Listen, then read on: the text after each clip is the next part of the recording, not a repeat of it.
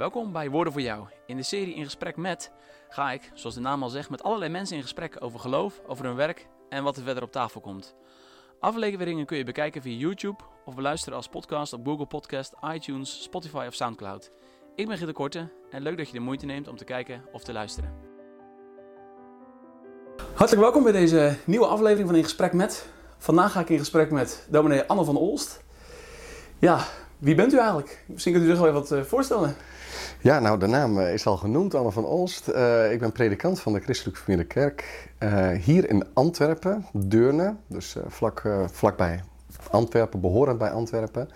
We zijn hier zo'n zes jaar geleden naartoe verhuisd met ons gezin. Toen met vier kinderen en hier is onze vijfde geboren. Dus we hebben een gezin overgepot van Nederland naar België en hier onze draai, onze plek gevonden. En hier mag ik een prachtige gemeente dienen. Mooi, mooi ja. Want in België, Christelijke Kerk, is dat zeg maar een soort van evangelisatie postachtig is? Of hoe moet ik dat, uh, dat? Ja, nou dat is het eigenlijk niet meer. Zo is het wel begonnen. Mijn voorganger, uh, dominee Komme Groeneveld, uh, begon in de 70 jaren, 1974, 72, begon hij met ja, missionaire bijeenkomsten eigenlijk van niets. En hij heeft dan de gemeente gesticht in eigenlijk een tijd waarin er nog niet zoveel over gemeentestichting gesproken werd. Het was echt uh, evangelisatiewerk en daar is een gemeente uit voortgekomen. Hij is toen predikant geworden. De gemeente is geïnstitueerd in begin jaren negentig en sindsdien is het een, een gewone christelijk geformeerde kerk voor zover een een, een christelijke familiekerk gewoon kan zijn. Maar ja, nu heb je in de CGK heb je zendingsgemeentes. En dit is eigenlijk officieel geen zendingsgemeente, omdat ja, de gemeente zo was voordat men over zendingsgemeentes begon te spreken. Maar ja, ik vind het zelf ook niet zo'n hele belangrijke vraag hoor. Of de gemeente een, een zendingsgemeente is. Want ja, elke gemeente heeft de roeping om het evangelie te verspreiden. Ja. in de omgeving. Dus uh, elke gemeente is een zendingsgemeente, zou je kunnen zeggen. Ja, ja. Maar goed, zeker in België is denk ik wel protestanten zijn er niet heel veel volgens mij. Of? Nee, nee, nee. Het is heel anders in Nederland. In Nederland is een kerk al gauw protestants. En uh, de katholieken zijn in minderheid, mm. zo gezegd. En hier is dat echt omgekeerd. En, uh, ik denk dat de samenwerking hier met de Rooms-Katholieken is uh, wel verbeterd door de jaren heen. Dat komt ook omdat de Rooms-Katholieke kerk kleiner is geworden en minder invloedrijk. Maar ja, het protestantisme is nog steeds uh, niet echt bekend. En ja, je bent hier ook als Nederlander, hè? dus mm. ik hoef maar twee zinnen hier te zeggen. En je valt als Nederlander door de mand. De mand ja. En dat is ook wel wat lastig, want al gauw wordt dan gedacht, ja, dat is echt import. Hè? Een Nederlander die het weer beter weet, die komt in het katholieke land met het protestantisme. En uh, nou ja, dat soort gedachten probeer je wel wat te voorkomen, uh, ja, natuurlijk, ja. ja. Want is dan inderdaad, de gemeenteleden zijn dan wel allemaal gewoon Belgisch die gewoon nou, voor een, voor een groot deel wel. Um, het is wel een gemeente waar echt wel Nederlandse invloeden in zijn. En ja, je probeert dat natuurlijk te beperken. Je wil niet de, de Nederlandse gemeente mhm, zijn. Dat, dat mhm. zou niet goed zijn. Het is ook wel wat multicultureel. Ik denk dat als je hier op een zondag een goed bezocht, hè, dus vergeet corona even, maar als je hier op een zondag binnenkomt, dat je zo'n 70 tot 80 procent Vlaamse tongval wel tegenkomt. En er zijn ook tweede generatie mensen bij. Dus Nederlanders die hier een plek hebben gevonden, kinderen die hierop zijn gegroeid en echt de Vlaamse tongval wel, wel spreken. Maar er zijn zeker ook Nederlanders in de gemeente. Ja, ah, mooi inderdaad dat, dat het hier kan. Ja, ja u heeft uh, vlak voor de zomervakantie een boekje verschenen. Uh, Bidden kun je leren. Wat was de aanleiding voor, uh, voor om dit boekje te schrijven? Nou ja, um, Kijk, inhoudelijk, het is gewoon een ongelooflijk belangrijk en mooi onderwerp. Mhm. Ehm, ja, de uitgever nam wat contact op om ja, te verkennen van een boekje schrijven enzovoorts. En die kwam aanvankelijk met een ander thema. En ik heb dat toen wat afgehouden. Misschien zag ik het niet helemaal voor me. Ik heb toen gedacht van, ach, uh, is dat wel wat voor mij, een boekje schrijven? Mhm. En uiteindelijk toch wat over na zitten denken en gedacht, nou, als ik een boekje schrijf, laat het maar over het gebed gaan. En dat heeft hier ook mee te maken dat ja, als predikant geef je natuurlijk ook gebedsonderwijs. Het is een mhm. vast onderdeel van de catechese, maar ook van de bijbelcursus. Je spreekt met mensen die tot geloof komen, ook altijd over het gebed. Mhm. En het viel mij wel op dat zowel naar mensen die toch wel wat kerkelijke achtergrond hadden, als naar nieuwgelovigen, dat bepaalde dingen van het gebedsonderwijs gewoon erg belangrijk bleven. En voor mensen een eye-opener waren. En toen dacht ik van, nou laat ik dat gewoon eens op een rij gaan zetten. Oh, Ik werk het gewoon uit. En er kwam toen bij dat in de... Het was coronatijd. Dus... Uh, ja, heel veel was er niet mogelijk. Hier zijn de kerk ook echt op slot geweest. Hè? Dus erediensten zijn hier een tijdje ook echt bij wet verboden geweest. Oh ja. Dus toen zat ik alleen in de kerk achter mijn cameraatje eh, diensten te houden, zeg maar, voor de mensen thuis. dan eens twee of drie meer. Ja, en ik deed het ook door de week. Met name voor eh, ja, verzorgingstehuizen die in lockdown waren gegaan. En de ouderen toch eh, ja, wat met elkaar te verbinden. En toen hield ik ja, toespraakjes, laten we zeggen, overdenkingen over het gebed. En ik heb dat wat gecombineerd en uitgewerkt. En voilà, zouden ze hier zeggen. Dan is daar dat is, boek. eh, ja. Want eh, een van de dingen die mij afgelopen tijd heel erg opvalt in het nieuws, is als er bijvoorbeeld hele grote rampen zijn, eh, dingen die heftig zijn, dat er dan gesproken wordt over, ja, worden mensen gewoon in Nederland, wordt de premier bijvoorbeeld Ja. opgeroepen om te bidden. Hoe, Ja. hoe, hoe zou je dat duiden? Ja, ik vind dat lastig te duiden. Ehm, ik vind het, het viel mij ook op dat mensen van wie je het niet direct zou verwachten, hè, die beginnen opeens over, over gebed. Ja, het kan, je kunt natuurlijk zeggen het is, het is makkelijk gezegd en, en bidden ze zelf wel. Maar ja, ergens vind ik het ook mooi dat het in de Mhm. publieke ruimte gewoon gezegd wordt. Nee. En dan hoef ik mezelf er niet mee bezig te houden van hoe werkt dat dan? En eh, gaat Rutte zelf ook in gebed of Kaag of wie zijn het allemaal geweest die iets dergelijks gezegd hebben. Maar ik vind het goed dat het genoemd wordt. En ergens laat het ook wel zien dat als er dingen gebeuren die ons boven het hoofd groeien, dan blijkt er misschien opeens ook toch ja, nood te zijn aan meer dan. Laten we maar hopen dat het goed komt. Ja, En- en ja. Ergens is het ook wel een mooi signaal misschien. Ik heb dat ook echt gehoopt wel. Dat, ehm, ja, de coronatijd blaast ook een beetje in onze zekerheden. Hoe gaat de samenleving daarmee om? Zou er meer ruimte komen voor geloof? En, en nou, ik zie dat niet direct terug. Misschien wel, maar het is moeilijk meetbaar ook. Ja. Maar ja, ik heb het wel gehoopt. En dat het iets met mensen doet. Eh, Mhm. dat ja, de vanzelfsprekendheden wat weggaan. En mensen stilstaan bij... Ja, hoe zeker zijn we nou? Ja. Is dat ook niet de reden geweest dat heel veel geloof weggeëpt is uit de samenleving? Dat we gewoon opgeklommen zijn tot een niveau van welvaart en, en, en zorg en, enzovoorts. Dat we ja, uiteindelijk God niet meer nodig hebben, zeg maar. Dacht het. eh. Dachten te hebben, ja. Hoe formuleer je dat? Ja.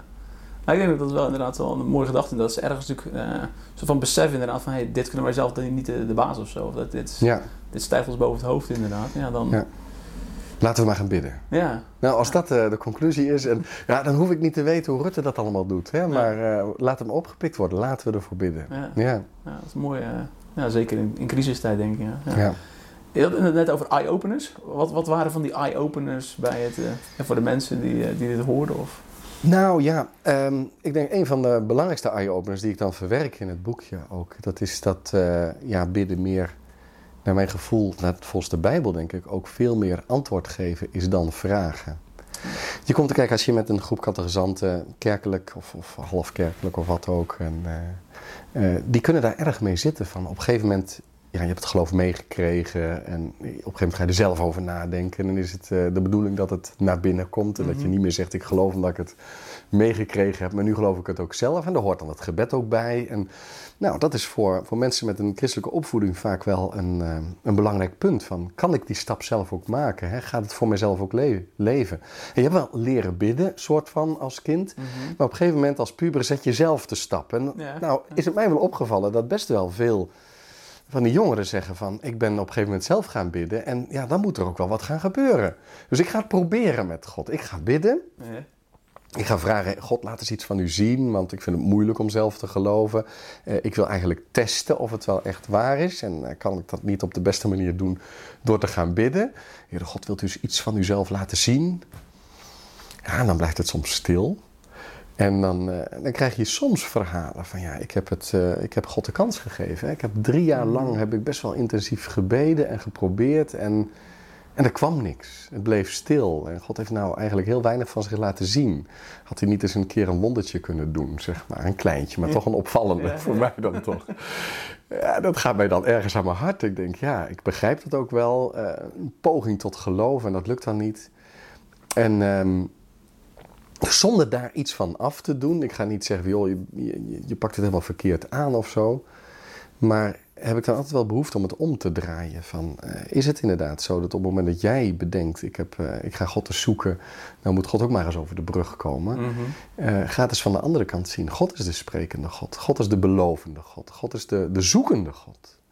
Het begint niet bij ons zoeken, maar het begint bij het zoeken van God. En op het moment dat wij gaan bidden, dan gaan we niet vragen: God, laat eens iets van u zien. Maar dan is de kern van het gebed: we gaan antwoorden op Gods eigen spreken, op Gods woord.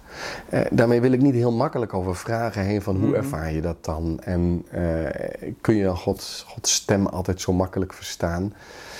Maar ja, bekijk het eens van de andere kant. God vraagt naar ons en er komt geen antwoord. Er komt steeds maar geen antwoord. En dan word je als jongere van 14, 15 jaar, denk je, nu ga ik ook maar eens bidden.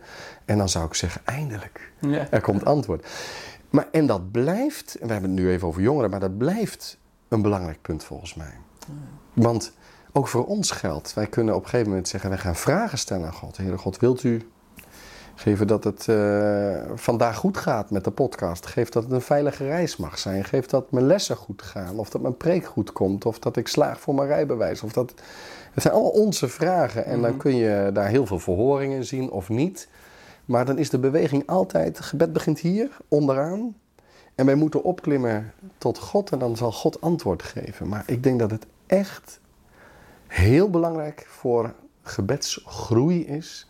dat we steeds meer oog kijken voor dat God de eerste is die spreekt. Het begint al, je zou kunnen zeggen, na de zondeval. Adam, waar ben je? Mhm.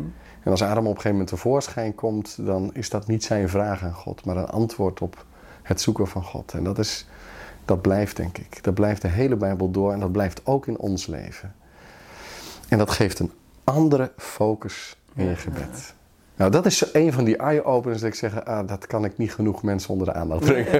dat is een hele mooie gedachte inderdaad. Dat is natuurlijk, ehm, dat is natuurlijk zo'n soort, je ziet als een eh, soort van gesprek, zeg maar, wat je, wat je hebt, zeg maar. Dat, Ja, Een antwoord inderdaad op wat God spreekt. Ik denk dat dat een hele, ja, ook wel een soort van bevrijdend is inderdaad. Want dan ja. hangt het ook niet van jouw bidden af, zeg maar, wat er, eh, wat er gebeurt.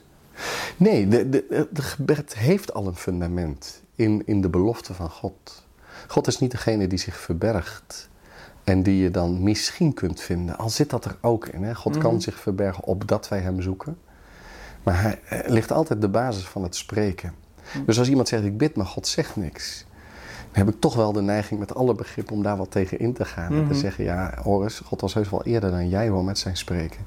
En dat vind ik ook zo mooi als je een kerk binnenkomt. Daar ligt al een Bijbel open. God was er echt eerder dan wij. Dus wij kunnen op een gegeven moment vragen: wilt u er ook zijn? Ja, dat kan. Dat, ik snap Ja, die vraag. ja, maar zullen we niet ook danken van wat fijn dat u er eerder was dan wij? We zijn er op uitnodiging. En ergens geldt het voor elk gebed ook. Elk gebed is op uitnodiging. Ja, dat is een mooie Ja. gedachte, dat je gewoon het totaal omkeert eigenlijk. inderdaad. Dat God eigenlijk uitnodigt om wat terug te zeggen dan. Is, Ja. is dat dan wat je... Ja. Ja. En dat betekent ook dat we niet in het luchtledige hoeven te beginnen. Dus ik zeg in mijn boek ook wel van, ja, je mag je alles vragen. Ja, pak dat maar breed aan en leg alles maar voor God neer. En eh, natuurlijk mag dat wel wat richting krijgen. Ik moet altijd enorm lachen om wat kinderen allemaal kunnen vragen. En het is prachtig als je zelf kinderen hebt. En ontroerend wat ze allemaal niet verwachten Mm, ja, ja, van de Heere God. Maar eh, op een gegeven moment mag daar wel wat ja, structuur in komen. Dat we gewoon wat minder met ons zelf bezig zijn in het gebed. En nogmaals, alles in het leven, alles wat je bezighoudt mag een plek krijgen. Maar ik vind het wel mooi dat je ook hoe langer hoe meer Gods wil en Gods beloften een plek geeft. Mhm. En als je het gebed meer ziet als antwoorden dan vragen... Dan hoef je niet te beginnen met van waar, waar- ligt de grens dan? Wat kan ik wel en niet vragen? Maar zou ik niet eens eerst antwoord geven op wie God is? Ja. In lofprijzing en op wat God wil geven. En dan komt zijn woord en zijn beloften worden dan belangrijk. En dan is er, ja, bidden ook amen zeggen op, op het woord van God. En, en erkennen en beleiden. En, ja, Ja, ja dat, ik denk dat het een hele mooie gang is. Ik zie het ook wel in de Bijbel. Ik, ik zit zelf op Psalm 44, voor een hele mooie psalm inderdaad. Als het nou gaat om bidden inderdaad. Uh, daar worden dingen gezegd die wij in ons gebed nooit zouden zeggen. Van heren, waarom slaapt u? ja, dat is een hele heftige psalm Dat natuurlijk. is echt wel een hele intense... Ik vind het altijd een hele intense vraag. Maar het is ook wel... Ja, ik, ik heb ook met leerlingen bijvoorbeeld gehad inderdaad. Die bijvoorbeeld echt wel hele heftige dingen meegemaakt hadden met Ja. overlijden en zo. En ziekte. Ja, dan... eh, die begrepen die psalm heel goed, zeg maar. Dat is inderdaad... Ja. eh, Maar ook die psalm eh, gaat natuurlijk terug op Gods belofte.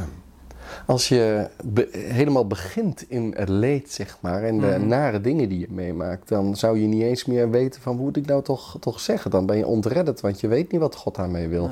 En juist het stekelige en het weerbarstige van Psalm 44. Hè, dat komt ook terug in Romeinen 8. Hè, van eh, elke dag als slachtschapen enzovoort. Dat is nogal wat. Hè, Ja. Als het zo in je leven gaat. Maar dan is zo'n gebed, heren, waarom slaapt u? Gaat ook terug op Gods belofte. Ja. Van, u bent toch de belovende God, maar waarom merk ik daar weinig van? Dus ik sta helemaal niet voor een soort, soort gepolijst gebedsleven... Mhm. waarbij alles klopt en heren, u belooft het en ik zeg er maar aan op en dat is het dan. Nee, het Ja. mag veel meer vonken en, en je mag daarmee worstelen. Maar ook Psalm 44 is een gebed bij een open Bijbel. Hè? Ja. Bij een sprekende Ja. God waarvan je zegt... Heer, u spreekt wel, maar ik merk daar niks meer van. Hoe zit dat nou? Ja, ik zit natuurlijk de verwachting. Als je natuurlijk vraagt waarom slaap je, dan verwacht je eigenlijk dat iemand wakker is. Dus in, Ja. zin, dus in die zin is de Ja. verwachting eigenlijk dat de Heer niet slaapt en niet slaapt. Dat is Ja. natuurlijk iets wat ook... eh, dat je in ieder geval verwacht dat als die slaapt... Een wonderlijke gedachte ja, natuurlijk. ja. Ja. Maar dat is ook wel mooi. Ik denk wat, en dat is dan de andere kant. De Bijbel reikt ons soms dingen aan waarvan je zelf denkt... dat zou ik dus op mijn eentje echt niet durven, hè, zoiets Nee. zeggen. ja. En het is ook wel geweldig mooi hoe God ons nabij komt en Mhm. zegt: eh, Als je echt vastloopt, dan kun je zelfs deze woorden nog een. Mag je testen. proberen, Ja. je eens een plek geven. proberen, Ja, ja. dat Ja, is dat, toch bevrijdend? Ja. ja. ja, dat is natuurlijk met de psalmen inderdaad. Er zit ook wel gewoon de rauwheid van het hele leven. Want dat is natuurlijk inderdaad... Ja, in, in bidden inderdaad, daar komt ook echt alles langs. Ja. In die zin zijn, vind ik in mijn kinderen ook altijd weer een voorbeeld inderdaad. En dan komt inderdaad, eh, als ze lekker gespeeld met een vriendje, komt dat eh, naar voren. En als ze ergens mee zitten inderdaad, dan... Ja. Ja. En, en, en tegelijk is het ook wel een soort van, omdat het zo concreet is, maar is het ook inderdaad van ja, hoe zie je dan de vervulling ervan inderdaad? Of wordt het dan een soort van standaard gebed? Dat vind ik dan ook wel een soort van, zelf ook een soort van lastig als ik aan het bidden ben. Van, nou, je hebt soms dingen waar je echt jarenlang voor bidt. ja. Eh, ja, hoe moet je dan die vervulling daarvan zien of juist niet? Of- Oh ja, dat eigenlijk de, de gebedsverhouding niet meetbaar is of zo. Nee. nee. Ja. En dat is oké. Ik vind dat heel oké. Ja, er zitten twee kanten aan. Aan de ene kant denk ik, ik vergeet vaak simpelweg goed te kijken naar gebedsverhoring. Ja. Dus ehm, we bidden er wel voor. Hè, hoe vaak zijn gebeden niet vervuld met wilt u, wilt u, wilt u. En eh moest kijken, als je op een rijtje zet waar je om gevraagd hebt hoeveel je dan hebt om voor te danken. Ja. Dus dat mogen we wel wat meer gaan doen. Dat we ook de verhoring van ons gebed eh, nadrukkelijk, concreet ook benoemen. Beleven, dankbaar zijn. Maar ja, het gebed gaat niet op in wilt u en dank u. Hè? Nee. De gebed heeft veel meer en daar zitten ook nou, niet meetbare dingen eh, bij. Dat je niet direct kan zeggen, kijk, stelt u mij tot een zegen voor anderen. Hoe meet je dat precies? Ja. Eh, je kunt daar soms voor danken als je iets hebt mogen lijken op de Heer Jezus Mhm. in je houding of in zorg voor een ander of in woorden die een ander verder hielpen. Dan, eh, daar kun je heel blij mee en daar kun je voor Mhm. danken. Mhm. Maar heel veel blijft ook verborgen en dat, Ja. dat is goed. Bidden is ook eh, de omgang met God. En dan moet je niet direct eh, dat smart willen maken en meetbaar en, Nee. en toetsbaar enzovoorts. Hè? Bidden is ook de taal van het verlangen. Ja. En wat daarvan precies uitkomt, ja, soms mag je ervoor danken en soms laat je het open en dat is ook goed. Ja. ja, ik denk dat het een beetje inderdaad die twee kanten heeft. Inderdaad. Ik las al eens een keer een filmpje met inderdaad het een voorbeeld inderdaad van ja, sommige mensen bidden alsof ze in de supermarkt zijn, zeg maar. En, eh, Ja, ja, wilt u dit, dat wilt u filmpje, ja. Oh, ja, dat is Ja. heel mooi. Maar ik, ik, Ja. dat, dat, nou, dat vergeet ik echt nooit meer inderdaad. Van dat, dat wilt u, wilt u dit, wilt u dat. En dan bij de kassa afrekenen om Jezus wil Ja. aan, maar zeg maar. Ja, Eh, terwijl het inderdaad juist natuurlijk veel meer dat, dat gesprek is, zeg maar. En ja, als je met iemand aan het praten bent, dan zeg je niet alleen maar eh, wilt u dit, wilt u dat, wilt u zus. nee. Nee, de relatie is dieper. Hè? En Ja. ik denk als je de die psalmen van verlangen neemt. Hè? Psalm 42 als een hert dat schreeuwt naar water. En 63 heeft dat ook. Hè? Vanuit het dorstig land verlangen naar God. Dat dat verlangen, dat is veel meer dan de wisselwerking van mag ik wat krijgen. Want je kunt een, een, een gebed wat alleen ja, wat aan elkaar hangt van wilt u, kan een heel ik-gericht gebed zijn. Mhm. En God is een soort eh, ober die in een restaurant aan je tafeltje komt. En jij bestelt wat je nodig hebt. En je gaat er maar vanuit dat je het krijgt. En als je, voordat je het weet, word je een heel rechthebbend mens die zegt: Ja, ik heb eh, vier van de vijf dingen gekregen. Dan laat God het wel een beetje afweten. Of, of je, je bidt om dingen en het, het gebeurt niet. En je wordt boos, want ja, zo werkt het gebed toch? Ja. Eh, God zegt: Vraag maar en ik geef het wel. Maar zo werkt het gebed niet. En dus ik denk dat het gebed veel meer ook een uiting van verlangen mag zijn. En ja, ik, in, in mijn boek probeer ik dat heel ontspannen aan te vliegen. Want ik heb mij echt afgevraagd, wat moet er allemaal in het gebed? En er is eigenlijk niet zoveel wat moet. Het hoeft geen lang gebed te zijn. Het mag een heel kort gebed zijn. En het gebed hoeft ook niet eh, een bepaalde structuur te hebben. Er zijn gebeden in de Bijbel die zijn prachtig, maar ja, er zit geen kop en staart aan. dus het is eh, heel recht vanuit het hart en dat kan. Hè? je zou bijna zeggen een schietgebedje. En ja, wat dat betreft moet er niet zoveel. En dat is misschien ook wel hoe wij protestanten ook een beetje in elkaar zitten. We houden niet van dat formele. Hè? Dus uh, ook uh, liefst spontaan. Hè? Bid mhm. maar gewoon wat in je hart zit. En dat is prachtig. Maar ik zeg daar wel bij van, dat is oké, maar wil je groeien in je gebedsleven, dan is het wel tijd dat je het onderwijs van de Bijbel over het gebed daar ook gewoon een plaats in geeft. En dan zijn er heel veel voorbeeldgebeden in de Bijbel. En daar leer je van, wat mag ik vragen, maar ook wat mag ik verwachten. Waarom heeft Paulus al die gebeden opgeschreven in zijn brieven? Dan denk ik, die heeft hij eh, gezegd, ja, hij had toch kunnen zeggen, beste mensen, ik bid voor jullie. Dat is fijn om te weten dat er apostel Paulus voor je bidt. Maar hij zegt, hier dank ik voor en daar bid ik voor. Nou, wat doet dat? Dan weet die gemeente ook wat ze mogen verwachten als het gebed verhoord wordt. Maar ook waar ze zelf om mogen bidden. En daarom kun je zo'n mooie preek houden over die gebeden. Omdat dat ook laat zien van, ja, wat, wat is Gods plan? Wat is Gods, Gods wil met de gemeente? Dat komt ook uit die gebeden naar voren. Dus er kan groei in je gebed zijn. En één kenmerk van die groei is dat je niet uh, zelfgecentreerd bidt van ik, uiteindelijk gaat het in het gebed natuurlijk wel God wel even prijzen als inloopje, als aanloopje van mijn gebed. Maar dan gaat het erom dat ik ja, binnenhaal wat er binnen te mm. halen is. Maar dat is, dat is niet wat een christelijk gebed is. Het christelijk gebed is God groot maken in alles. In de lofprijzing, in de dank, maar ook in de smeekbeden. Ja. En dat zie je dus heel mooi in het Onze Vader. Waar het begint met, met een uitroep van vertrouwen, van ontzag. Onze Vader die in de hemelen is. En dan drie keer de lofprijzing. En dan pas komen de gebeden. En dan mag je, ja, als je op dat punt gekomen bent, denk ik, dan mag je ook werkelijk alles vragen wat je nodig hebt. Het dagelijks brood, dat, daar zit alles aan vast. Wat je maar nodig hebt. Dus bid maar of je de dag goed door mag komen, of het goed mag gaan op school, of je examen mag halen, of dit of dat mag gebeuren. Je kunt alles voor God neerleggen. Maar de lofprijzing heeft al geklonken. En dat wil zeggen dat in die dagelijkse noden, dagelijkse gebeden, die gerichtheid op de glorie van God niet weg is. Met andere woorden, dan bid ik, Heer, geef mij uw zegen over dit eten en drinken, wat ik in dankbaarheid ontvangen mag, opdat ik met de krachten die ik daaruit ontvang weer u dienen mag. En dat, ja, dat wordt dan ook een soort, en ik bedoel het niet wettisch, hè, maar eigenlijk... Ehm, ja, maar er wordt toch een soort criterium haast. Want ik kan natuurlijk uh, bidden dat als ik een hele belangrijke dag heb, dat het mooi weer is, uh, mijn trouwdag, zodat de fotoreportage niet in het water valt. En wie ga ik nou verbieden om dat te doen? ja, het is, het is mooi, maar uh, ja, en, God kan dat ook doen zonder dat andere mensen benadeeld worden. Maar ja, bidden om welvaart is wel heel lastig hoor, want onze welvaart zit wel met allerlei draadjes vast aan ellendigheden in deze wereld. En ehm, ja, ik vind het altijd heel mooi dat als mensen zijn autopech hebben, dat ze eerst gaan bidden dat het allemaal goed komt. En uh, fantastisch als die motor dan weer draait. En als ze een sleutel verliezen, dat ze gaan bidden dat ze hem gauw vinden mogen. Ik heb daar, ik, ik ik zal niet zeggen dat ik het helemaal niet doe, maar ik bid dan toch altijd dat ik ook wat zorgvuldiger leef. En dat sleutelbeen op een beter plekje neerleg, weet je wel. Ik moet altijd nog lachen om die persoon die je zei van ja, ja, het gebed dat is zo fantastisch.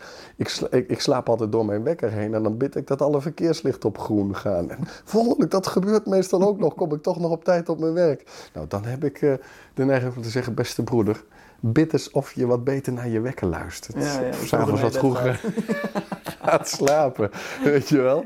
Dus uh, God is niet om de gaten in ons leven dicht te lopen. Hè? Dus eh, je mag voor alles God zegen bidden. Maar ja, maar wat is de focus dan? Waarom? Omdat wij... Voor ons karretje spannen, zeg maar. Ja. ja. En als ik dan ziek ben... Gaat het dan alleen om dat ik zo gauw mogelijk pijnloos, zorgeloos beter word? Um, want lijden mag geen plek hebben in ons leven. Dat is spannende, hè? want dat kan ik makkelijk vanuit mijn luie stoel zeggen. Of komt er dan ook iets bij, en dat hoor ik mensen ook doen. Geef dat ook in deze weg de naam van de Heer verheerlijkt wordt. Want het getuigenis van een ziekbed klinkt soms zoveel krachtiger dan vanuit uh, een gezond leven. Maar, dus dan wordt het anders. Ook het gebed om genezing. En als, als, als daarin God verheerlijkt wordt, ja, tuurlijk. En, en misschien is dat ook zegenrijk voor het werk wat je mag doen. En zegenrijk voor je gezin. En zegenrijk voor, voor, voor van alles en nog wat. Maar ja, gebed is ook de roep om Gods glorie in ons leven. Ja. En dan is elk gebed ook heel open. Dan hoeven we ook God niet voor te schrijven hoe die glorie dan gestalte krijgt. Want Gods glorie kan juist in gebrokenheid soms veel beter uitkomen dan, uh, ja, dan als God bij wijze van spreken als een soort lakij ons van het nodige voorziet en ons leven stoffeert. Zeg Mhm. maar. Ja. Ja, Dus, dat, ja. dat is spannend. Hè? Dat is ook wel inderdaad, als je natuurlijk inderdaad ziek bent, dan is het natuurlijk heel, eh, heel moeilijk denk ik aan de ene kant inderdaad. En ook inderdaad als je ziek blijft en het niet beter wordt, dat je dan inderdaad je ook in vertrouwen in Ja, het naar hem toe. eh. ja, het enige voordeel is dat als je zo leert bidden, dat gebedsverhoring veel eenvoudiger wordt. Want bidden om de eer en glorie van God, dat is een gegarandeerd verhoord gebed. Ik bedoel het niet als een cirkelredenering. Hè? Er staat Mhm. zoiets van eh, dat je alles op de Heer mag wentelen. Hij zal alles je geven of je bevestigen, je levensweg bevestigen. Ehm, maar dat is ook zo. En dat lijkt een cirkelredenering, want hoe meer je bidt naar Gods wil, hoe meer Hij je verhoort. Maar dat is toch waar het op uitkomt. Hè? De bidden in de naam van Jezus, of uit de naam van Jezus, heeft dat ook echt in zich. Dat je meer en meer leert dat te bidden wat Jezus ook zou bidden. Ja, dat is naar het hart van de Vader. Dat is naar de wil van God. En ergens is mijn, dat mijn verlangen ook. Ik hoop dat in mijn gebeden, ja, de persoon van Anne van Olst, eh, die heeft een plek natuurlijk. Hè?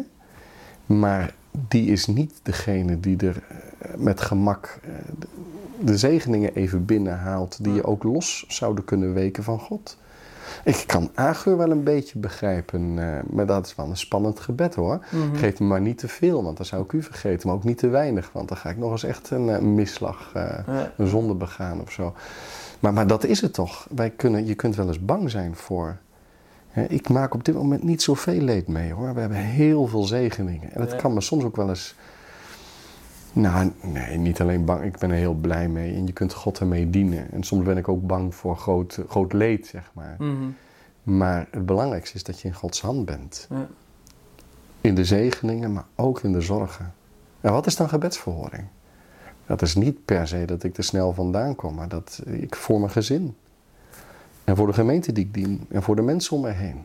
Dat je dan trouw bent. En soms zeg ik dat ook tegen mensen die bijvoorbeeld een enorme ziektegeschiedenis hebben. Die, die een leven hebben die eigenlijk getekend is door ziekte en behandelingen. En die zeggen, ja, waar dient mijn leven nog toe? En, en dat, ik heb zo weinig, naast muziek zijn zo weinig tijd over. Waar dient je leven nog toe? Als zulke mensen iets zeggen over de trouw van God, is dat honderd meer waard dan als ik dat zeg. Want zij hebben in de bochten van, en de kromme dingen van het leven, kunnen ze zeggen, en toch is God trouw en daar oefen ik me in. En wat, wat een getuigenis gaat daarvan uit. Wat is gebedsverhoring dan? Gebedsverhoring is zicht op de trouw van God. En de grootste gebedsverhoring is dat de Heer zijn belofte waarmaakt. Dat Hij ons doordraagt door het leven heen tot in het eeuwige leven. Ja, Ja, wat wil je meer? Ja, je had het net over korte gebeden. Eh, ik ben zelf ook niet, dat heel vaak hoor ik als mensen bidden dat ze last hebben van concentratie. Ik Ja. herken het zelf ook heel erg. Eh, je bent begin van de dag, je bent nog moe of je bent nog niet helemaal wakker. En concentratie, hoe, eh, wat, zou je daarop zeggen? Nou, allereerst, kijk, ik geloof dat bidden bij geloof hoort.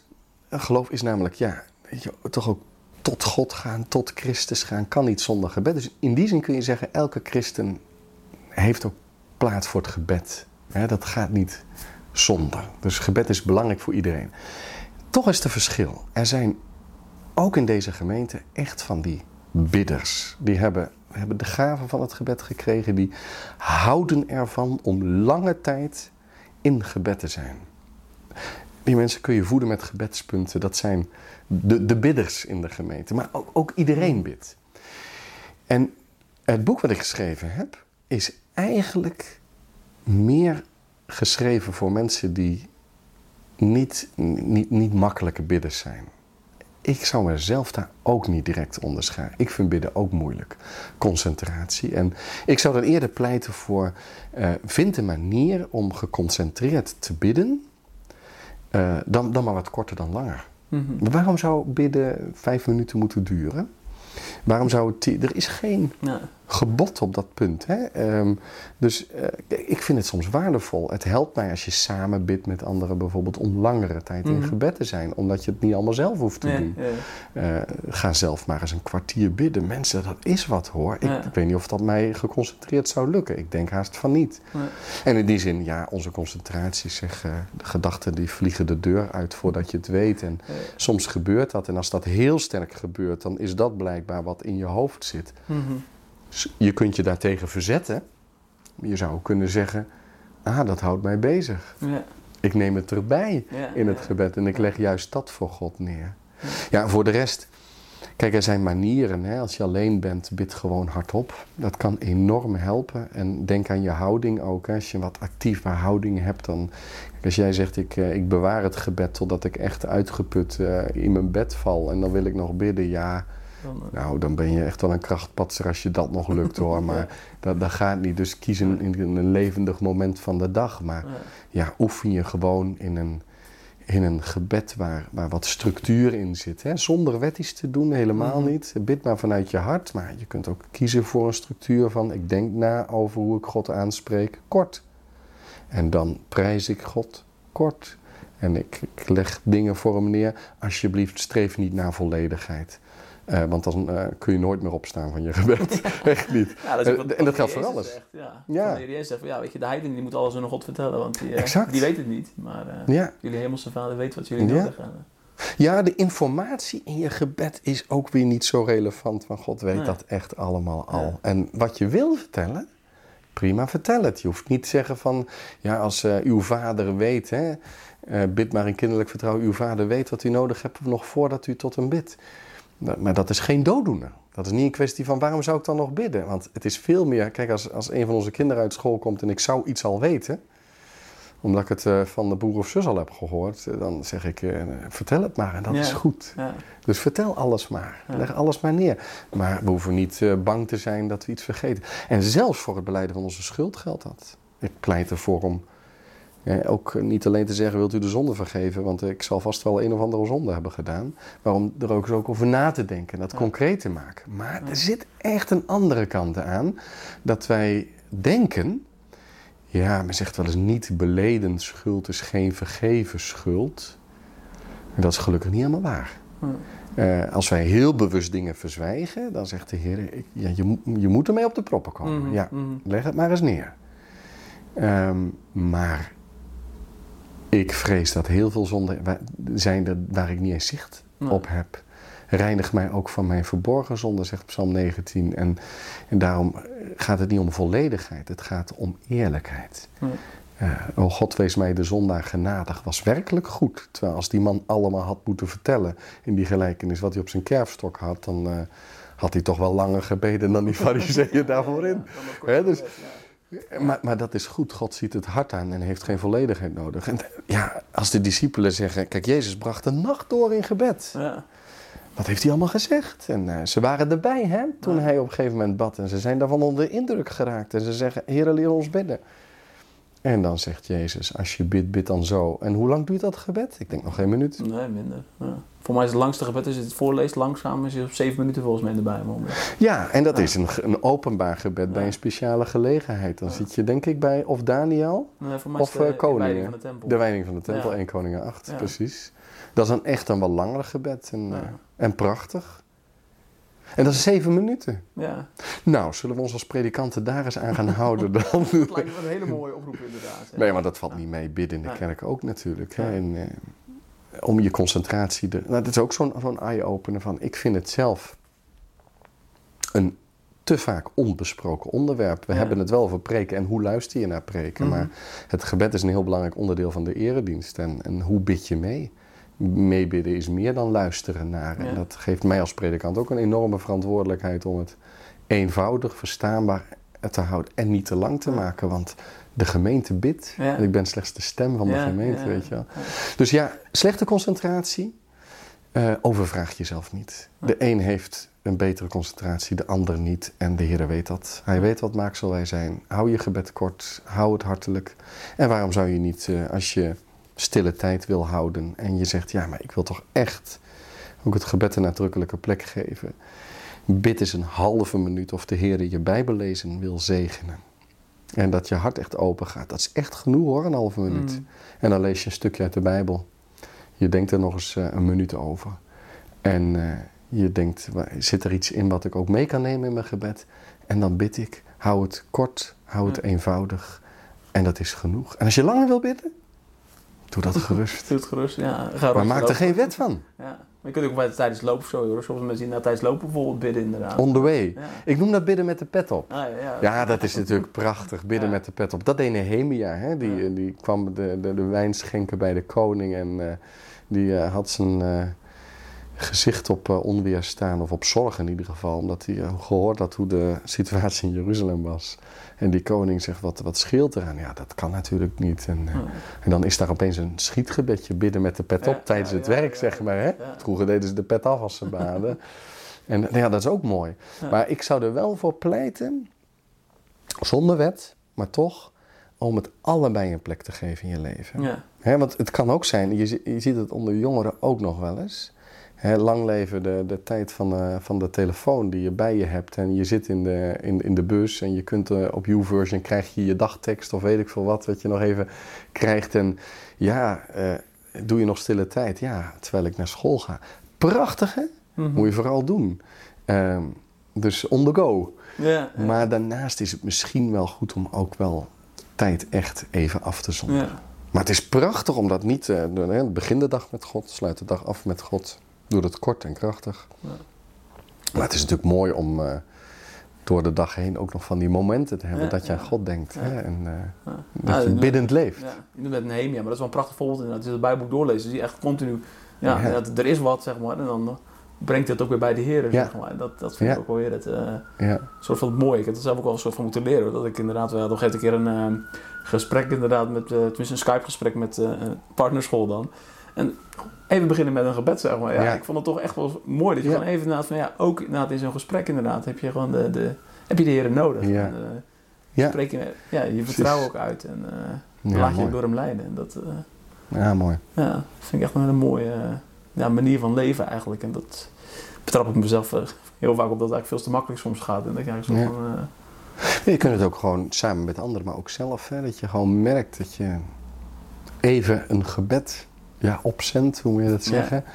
Je staat voor iets moeilijks, of voor een lastig gesprek, of geef me de kracht. Daar kun je natuurlijk echt nadrukkelijk in je eentje, in de afzondering in de binnenkamer, zeg Ja. maar, voor bidden.